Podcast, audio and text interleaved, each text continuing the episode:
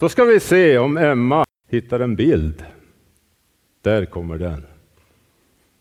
Perfekt. Jag tänkte jag skulle sätta som rubrik för det jag ska säga idag. Håll fast. Och då fick jag den tanken, man fallskärmshoppare, en tandemhoppare. Det handlar om att vara fästad och hålla fast. För när de ställer sig på marken innan de ska kliva in i flygplanet så har de rigorösa säkerhetsbestämmelser och spänna fast nu den som ska följa med, den som är en van fallskärmshoppare. Alltså de kollar remmarna, de kollar de här hakarna så att de är låsta och allt ska vara okej okay innan de kliver in i flygplanet. Och sen när de väl kommer upp i luften så är det visst på 4000 meters höjd man brukar kasta sig ut när ett tandemhopp och det är ju en bra höjd och sen faller man fritt i ett par hundra kilometer i timmen ett antal sekunder innan då den här som kan det här har hoppat många gånger drar i någon tåt eller vad det då är så att fallskärmen vecklas ut och de har en 5-10 minuter enligt vad jag läste på sig att cirkla sig ner och landa på en förutbestämd plats mjukt och bra. Och när jag tittar på den här bilden, när jag tänkte på den här bilden så tänkte jag ju att de är högt, högt, högt över. Ni ser det är hav, det är en fin strandremsa, det är ängar, det är åkrar, det är hus, det är bilar, det är mycket som är där nere. Men de är högt, högt över.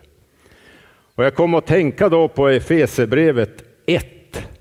Och då har jag tagit med mig det tunga artilleriet idag. Så jag ska läsa ur den svenska kärnbibeln, en expanderande översättning. Och nu har jag lovat Johanna som är tolk att jag ska läsa sakta och jag ska försöka att tala sakta så att ni får väl titta lite skarpt på mig om jag får för högt tempo. Men i alla fall så står det så här i Efesebrevet och det handlar om den troendes position i Jesus, de första tre kapitlen. Och då läser jag från den här förstärkta kärnbibeln. Går från vers 16 där. Därför upphör jag inte att tacka Gud för er när jag nämner er i mina bönelse, böner. En tacksägelse med en glädje som väller fram inifrån. En tacksägelse med en glädje som väller fram inifrån. Och jag ber att vår Herre Jesus, den smorde Kristus, Gud härlighetens fader, ska ge er en ande av vishet, alltså insikt, kunskap, gudomlig kunskap och uppenbarelse att synliggöra något som varit dolt så att ni får en full kunskap om honom. En full kunskap om honom. Att era förstånds ögon ska flöda över i ljus så att ni kan se Att våra ögon ska överflöda av ljus så att vi kan se. Och det indikerar att ögonen öppnas så att vi verkligen ser och förstår. Och vilket glädjerikt hopp han har kallat det till. Hur rik på härlighet, ära, hans arv är bland det heliga, hans folk. Hur enorm, omätbar, obegränsad, överlägsen hans styrka, makt är i oss som tror. I enlighet med den verksamma, operativa styrkan av hans manifesterade makt. Samma kraft använde han i den smorde, alltså Messias Kristus, när han uppväckte honom från de döda och satte honom på sin högra sida i den himmelska världen. Och sen kommer högt över, och då tänkte jag på den här bilden, de var högt över jorden, de var högt över det som fanns där nere. Olika saker som kan ställa till det, olika saker som kan orsaka att det inte går så bra alla gånger. Och då står det så här, högt över ärkehärskare Ledare från urgamla tider, militär ter term för general, den högste ledaren, alltså den som var på toppen av toppen. Så var ändå, det fanns någonting högre än den högste ledaren. Och auktoritet högt över varje auktoritet, Den militär term för delegerad auktoritet. Högt över varje makt och makt utifrån antal. Det är en militär term för kraften av en stor armé. Högt över varje härskare, herre som har makt över en region. Och sen högt över varje namn på allt som är namngivet. Över varje titel som kan ges. Över varje sjukdom. Ja, över allting som har ett namn. Inte bara i den här tidsåldern, utan i den kommande. Gud har lagt allt under Jesu fötter och utsett, krönt honom till att vara församlingens huvud, som är hans kropp, helheten som kontinuerligt uppfyller allt i alla. Det var den förstärkta visionen. Jag tyckte den talade så fantastiskt bra. Så mycket mer än vad man kanske i vardagligt tal tänker på. Vilken enorm tillgång vi har i Jesus Kristus. I Jesus Kristus. Som sitter på Faderns högra sida. Högt över alla andevärldens första och väldigheter. Och vi som bekänner Jesus som Herre, vi som har sagt ja Jesus, jag vill följa dig. Vi får sitta tillsammans med Kristus i en position där vi har fått hans makt, hans auktoritet, hans styrka och hans kraft.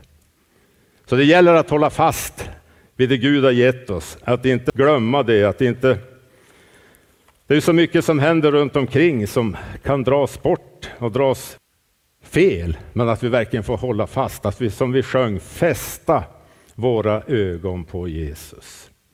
Fästa våra ögon på Jesus och hålla fast vid det. Jag tänkte också på den här bilden av de här fallskärmshopparna. Första gången där den som sitter fastspänd har en erfaren på ryggen och de står vid den här öppningen i flygplanet och du har 4000 meter ner, det kanske är moln under också så behövs det att man verkligen har satt sin tillit, sin förtröstan, sin tro på att han som nu är bakom mig är också mäktig att kunna dra i de här linorna så att vi kommer dit vi ska komma. Och att de här säkerhetsanordningarna gör att jag inte släpper och får fritt fall ända ner på backen. Så han har ju en enorm tro på han som är bakom, att han kommer att rädda mig, han kommer att föra mig framåt. Och den tron ska du och jag också ha på Jesus. Han vill leda oss, han vill hjälpa oss, han vill föra oss på den väg som vi alla har att vandra. Och jag tycker det är så fantastiskt också att veta att det finns något idag att hålla fast vid i en mer och mer oförutsägbar värld. Det händer så mycket och tonläget skruvas upp mer och mer. Och det som har varit sanningar sedan århundraden, årtusenden bakåt börjar på ifrågasättas. Och man kan ju börja på undra och fundera och kanske börja på olika sätt spekulera. Men låt oss hålla fast vid Jesus. Han förändras inte och det han har sagt det står evigt kvar. Och det gäller alla som vill, alla som öppnar sitt hjärta och tar emot så vill han verkligen leda och hjälpa.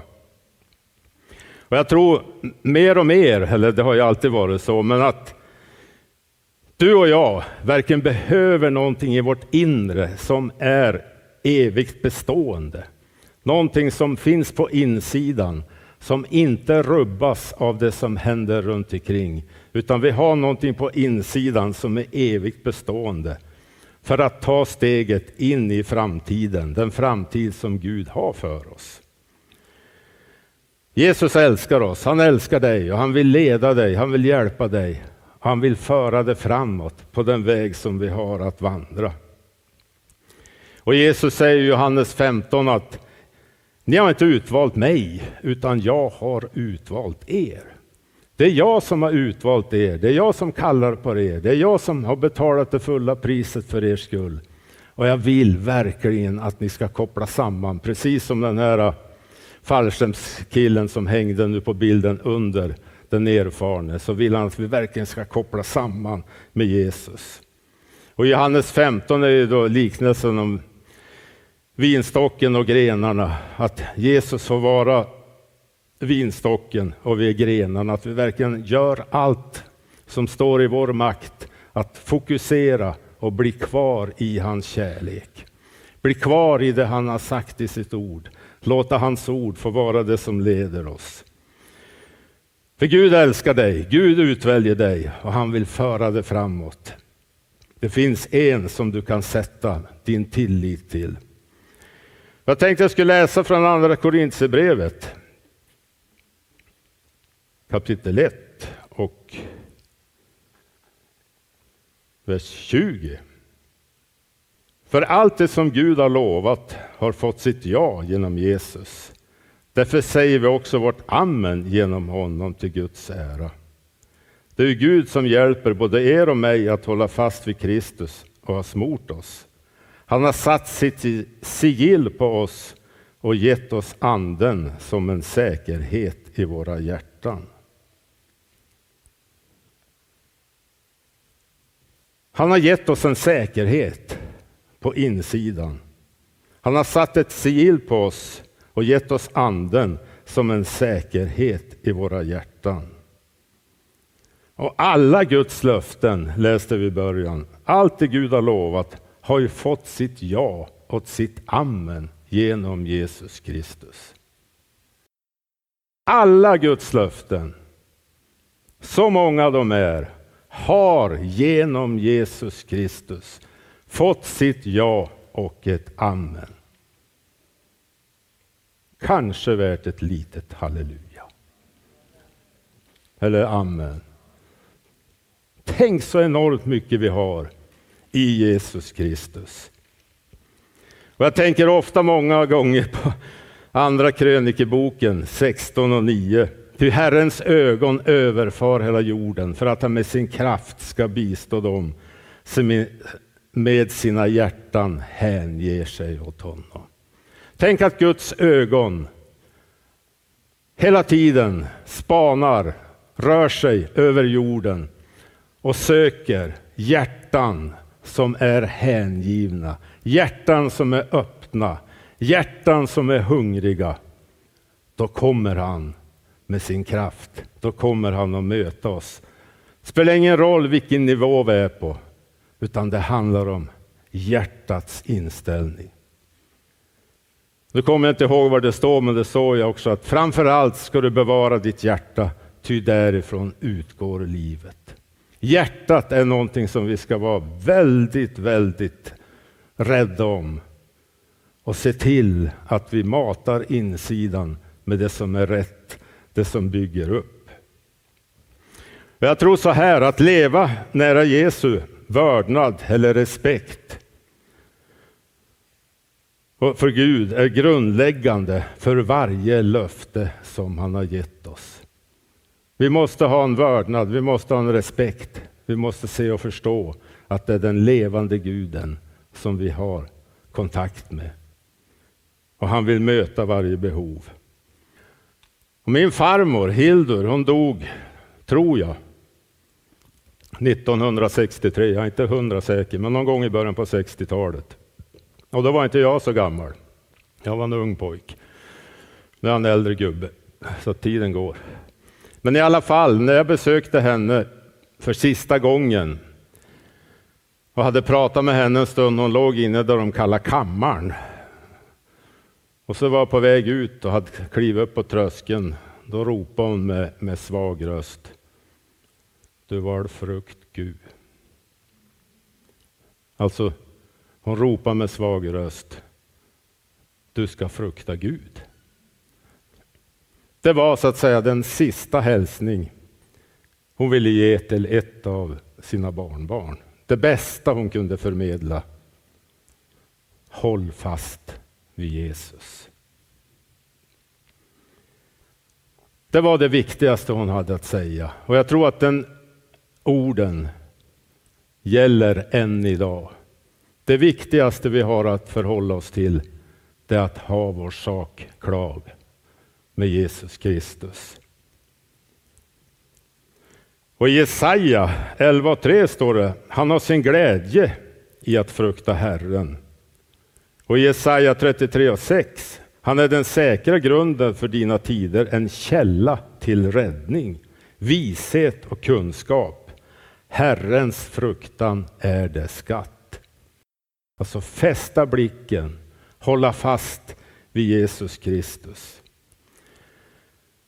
Jag förstod inte innebörden vad hon sa, kanske lite, lite grann att du ska frukta Gud. Men man kan ju också avskräckas, bli rädd för ordet fruktan. Det låter ju kanske många gånger fruktan inte så det är jätte, jättepositivt, men det finns en sund, en helig gudsfruktan som vi ska vara väldigt, väldigt tacksamma och rädda om.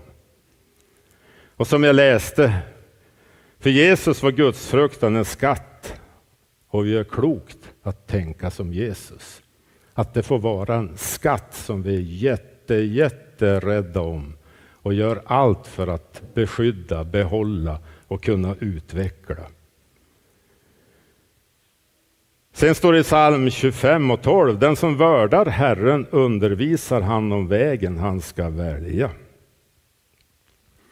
För gudsfruktan håller ju oss sammanlänkade med skaparens vishet och han är ju den ende som verkligen på djupet vet och ser och förstår vad som är bra för oss och vad som inte är bra för oss. Vad som fördärvar våra liv eller vad som bygger upp våra liv, vad som ger oss av det han vill förmedla. Och jag tänker också att gudsfruktan idag, en Guds skatt, det bör vara en skatt för oss också. Och de flesta tänker på att gudsfruktan är någonting skadligt, någonting som inte är bra. Och det kan ju kanske upplevas som lite motsägelsefullt att tala om gudsfruktan som något positivt och en dyrbar skatt. Men tar vi Guds ord som auktoritet och grund lovar ju det dig att när vi bejakar, som man brukar säga förr i tiden, eller bekräftar den, får vi kraft, får vi förmåga att hålla oss kvar på livets väg. Här får vi uppleva en sann, innerlig gemenskap med Gud som förvandlar våra liv till den största belöningen att förvandlas till likhet med Jesus Kristus. När vi håller fast, när vi klamrar oss fast vid sanningen, klamrar oss fast vid Jesus Kristus. Ska vi gå till andra Korintierbrevet, det sjätte kapitlet och från vers 14. Och rubriken i min bibel är en varning för att kompromissa för synden. En varning att kompromissa för synden. Och då läser jag från andra Korintierbrevet 6 och 14. Gör er inte ett med dem som inte tror. Vad har rättfärdighet med laglöshet att göra? Vad har ljus och mörker gemensamt? Kan Kristus och Beliar dra åt samma håll? Kan en troende och en som inte tror dela något med varandra? Vad har Guds tempel med avgudar att göra? Vi är tempel åt den levande guden, för Gud har sagt jag ska bo och vandra ibland dem. Jag ska vara deras folk och det ska, jag ska vara deras Gud och det ska vara mitt folk. Därför säger Herren, lämna dem och skiljer från dem. Rör inte det som är orent. Då ska jag ta emot er och vara er far. Och ni ska vara mina söner och döttrar, säger Herren den allsmäktige. Och vers 7, eller vers 1 i kapitel 7. Kära vänner, det är dessa löften vi har.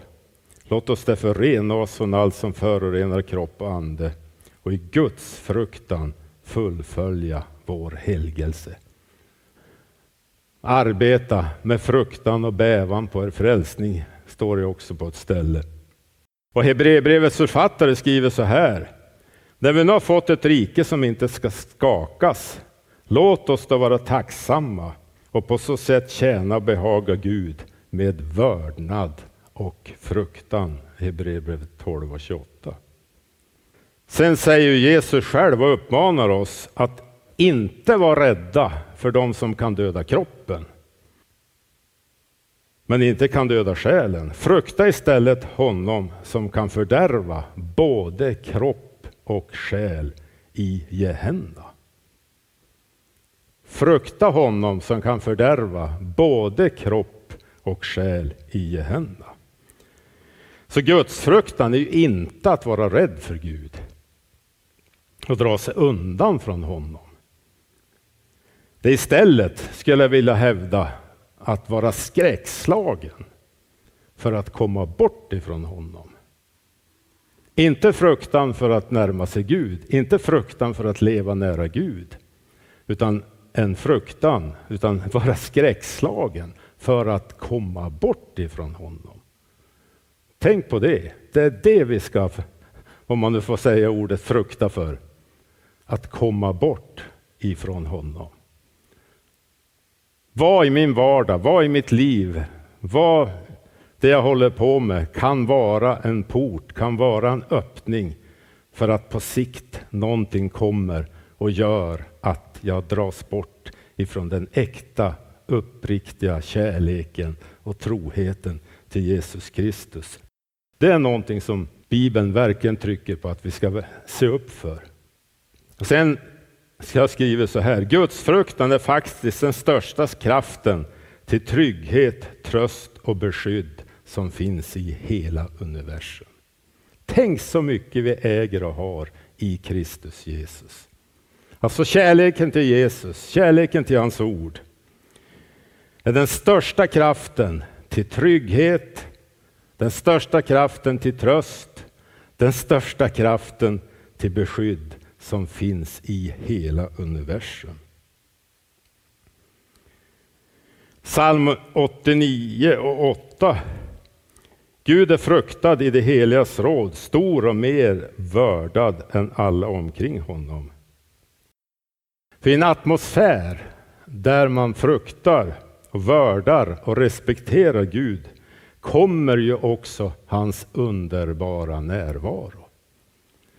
Där den helige ande får vara, där den helige ande får möta människor, så kommer Guds närvaron på ett högst konkret påtagligt sätt. Och jag tror att vara i Guds närvaro är helt avgörande för den troendes andliga hälsa. Att vara i Guds närvaro är så betydelsefullt, så viktigt för vår andliga hälsa. Att det får vara någonting som påverkar oss, någonting som talar in i våra liv, någonting som bygger upp vår inre människa. Jesus säger i Matteus 22, Mästare, vilket är det största budet i lagen? Han fick den frågan. Så svarar han så här, du ska älska Herren i Gud av hela ditt hjärta, av hela din själ och av hela ditt förstånd. Detta är det första budet och också det största. Alltså av hela hjärtat, hela själen och hela förståndet. Det finns att säga som ingenting emellan där, något utrymme för någonting annat. Utan Jesus Kristus ska vara nummer ett. Det var den, han, som vi ska fokusera och fästa våra ögon på och hålla verkligen, verkligen kär. Och i andra Timoteus brevet, det tredje kapitlet, talar också om att hålla fast. Från vers 14 där. Du måste hålla fast vid det du fått lära dig och blivit övertygad om. Du vet vilka det är som undervisar dig. Ända sedan du var liten känner du också till vad som står i de heliga skrifterna. Så fantastiskt att vi kan ha barnarbete, att vi kan ha ungdomsarbete, att kunna få plantera in Guds levande ord i det uppväxande släktet. För det stod ju här, ända sedan du var liten känner du också till vad som står i de heliga skrifterna. Vilken förmån som förälder att få dela de goda nyheterna till de små barnen. Och de får ta in det som ger liv, det som ger kraft, det som ger styrka. Sen står det också så här, om jag fortsätter att läsa. Du känner ju också till vad som står i de heliga skrifterna. Där kan du hitta all den vishet du behöver för att bli räddad genom tron på Kristus Jesus. Var kan du hitta all den vishet som du behöver för att bli räddad genom tron på Kristus Jesus? Ja, i ordet. Hela skriften är inspirerad av Gud och kan användas då man undervisar, tillrättavisar, korrigerar och fostrar till rättfärdighet så att den som tillhör Gud blir väl rustad för alla goda gärningar. Du måste hålla fast vid det du har fått lära om. Stod i de första raderna när jag läste här. Det är en uppmaning till oss. Håll fast. Släpp inte taget om det du har fått lära, det du har fått ta del av, det du har fått ta in. Håll fast det, även om det gungar runt omkring, även om det andra säger att det här är helt galet. Så håll fast vid Guds ord. Det är det som bär, det är det som håller. Sen läste jag en undersökning och det var ju inte direkt upplyftande, men procentsatsen kan väl kanske vara lite annorlunda, ta den med en nypa salt. Men det är en undersökning jag läste står det så här. 7 procent av de kristna männen läser Bibeln regelbundet och de kristna kvinnorna 13 procent, nästan dubbelt så mycket. 7 procent av männen läser Bibeln regelbundet. 13 procent av de kristna kvinnorna läser den. Jag tänkte när jag läste det där, jag tror inte att vi riktigt har förstått vad Guds ord är för något. Att vi inte har förstått det på djupet. Vad är Guds ord? För att läsa Bibeln kan du jämföra med att om du läser Bibeln på kvällen så är det ungefär, om man tar en bild, som Jesus skulle sitta tillsammans med dig på sängkanten och prata med dig. Han talar genom sitt ord och han vill ge dig tröst. Han vill ge dig uppmuntran. Han vill ge dig vägledning. Så kanske det är så, jag vet inte, att man plockar fram Bibeln på söndag och sen är han borta till nästa söndag. Men att man verkligen tar alla dagar och låter Guds ord få vara en del av min vardag, del av mitt schema för dagen, eller hur man ska kalla det. Att jag, precis som det står i Matteus 4 och 4 om jag nu kommer ihåg rätt. Människan lever icke allenast av bröd utan av varje ord som utgår ur Guds mun. Så att lika naturligt som du har din filtallrik eller gröttallrik eller vad du nu brukar äta på morgonen så kan du också få följa med ett ord, ett Guds ord som är någon näring, någon mat för din invärtes människa. För Guds ord bygger ju upp vårt ande. I Ordspråksboken 6.22 står det ju att det uppmuntrar och styrker i oss. Den läkedom för hela vår kropp. Det är någonting som för in någonting positivt, någonting av evighetsvärde, någonting som är kraftigt. Och i Psaltaren 119.36 Bevara mitt sinne i dina bud. Alltså bevara mitt sinne i dina bud. En bön som vi får be. Bevara mitt sinne i ditt ord. För det är ju bara så att vi lever i en värld där det finns sånt otroligt utbud av information, både gott och ont och alla möjliga varianter. Så vi matas ju under dygnets alla vakna timmar med en mängd information. Och jag berättade för er en person som när kriget bröt ut i Ukraina så hade han sett från sju till var det fem på kvällen på tv, för då gick ju hela dagen med rapporter. Och jag pratade med honom på kvällen och han sa att Lars-Erik, det där ska jag aldrig mer göra om. Alltså jag blev deprimerad av det han tog in. Det påverkade honom på ett sätt att han började på att känna sig deprimerad. För det finns sån kraft i orden. Det finns sån kraft i det vi hör Så att vare sig vi påstår det eller inte påstår det, så påverkar det oss, det som går in genom våra öron. Det påverkar oss, det som kommer in genom våra ögon. Och här läste vi från psalm 119. Bevara mitt sinne i dina bud. Är det någonting som håller så är det att vi har blicken fäst vid Jesus. Att vi får ha hans ord som vägledning där vi går fram.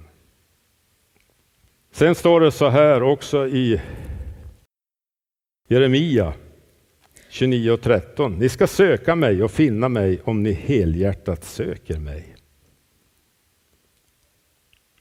Ett beslut som vi alla har att ta. Vill jag helhjärtat?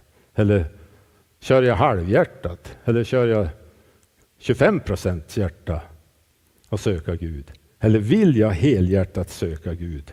Då har vi ett löfte att han ska möta oss. Han ska tala till oss. Han ska möta oss. Sen, Romarbrevet 8.31 är det vissa som känner till. Då reser de sig upp av en anledning att de ska strax få börja spela och sjunga. Tänkte jag skulle sluta med det. Romarbrevet 8.31. och några verser framåt. Jo, står det så här i vers 31 på slutet. Om Gud är på vår sida, vem kan då vara emot? Om Gud är på vår sida, vem kan då vara emot oss? Gud skonar ju inte ens sin egen son, utan utlämnar honom för att rädda oss alla. Skulle han då inte vara beredd att skänka oss allt annat också tillsammans med honom? Vem kan anklaga Guds utvalda? Gud själv har gjort oss rättfärdiga. Vem kan döma oss? Kristus, han som dog och till och med uppstod och nu sitter på Guds högra sida, vädjar för oss. Vem kan skilja oss från Kristi kärlek? Nöd eller ångest, förföljelse, svält, nakenhet, fara eller svärd. Det står ju skrivet. Det är för dig som vi dagen lång dödas och räknas som slaktfår. Men mitt i allt detta vinner vi en fullkomlig seger genom honom som har visat oss sin kärlek. Och jag är övertygad om att varken död eller liv, varken änglar eller förstar, varken något som finns nu eller som kommer att finnas i framtiden, varken krafter i höjden eller i djupet eller något annat i skapelsen kan skilja oss från Guds kärlek i Jesus Kristus, vår Herre. Så håll fast vid Guds ord. Håll fast vid de sanningar som finns nedskrivna. De sanningar som gäller i evigheternas evigheter. Och Jesus har ju lovat att jag ska vara med er alla dagar in till tidens slut. Jag ska aldrig lämna dig, jag ska aldrig överge dig. Jag ska vara med dig. Så om du inte kommer ihåg något annat från den här dagen, så kom ihåg det att Jesus älskar dig och han vill leda dig. Och håll fast vid hans ord. Han är vägen, han är sanningen och han är livet. Och han vill fylla oss med sin kraft och sin styrka. Och Herre, vi tackar dig för att vi får bara vända oss till dig, sträcka oss ännu mer efter dig, Herre.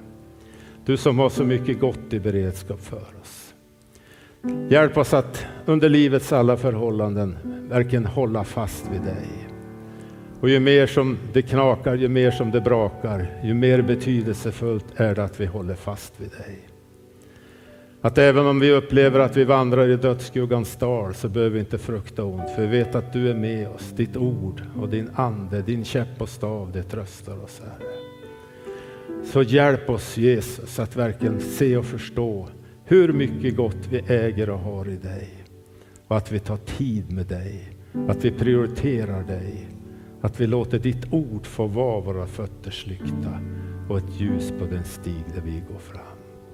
Tackar dig för din nåd över oss var och en. I Jesu namn. Amen.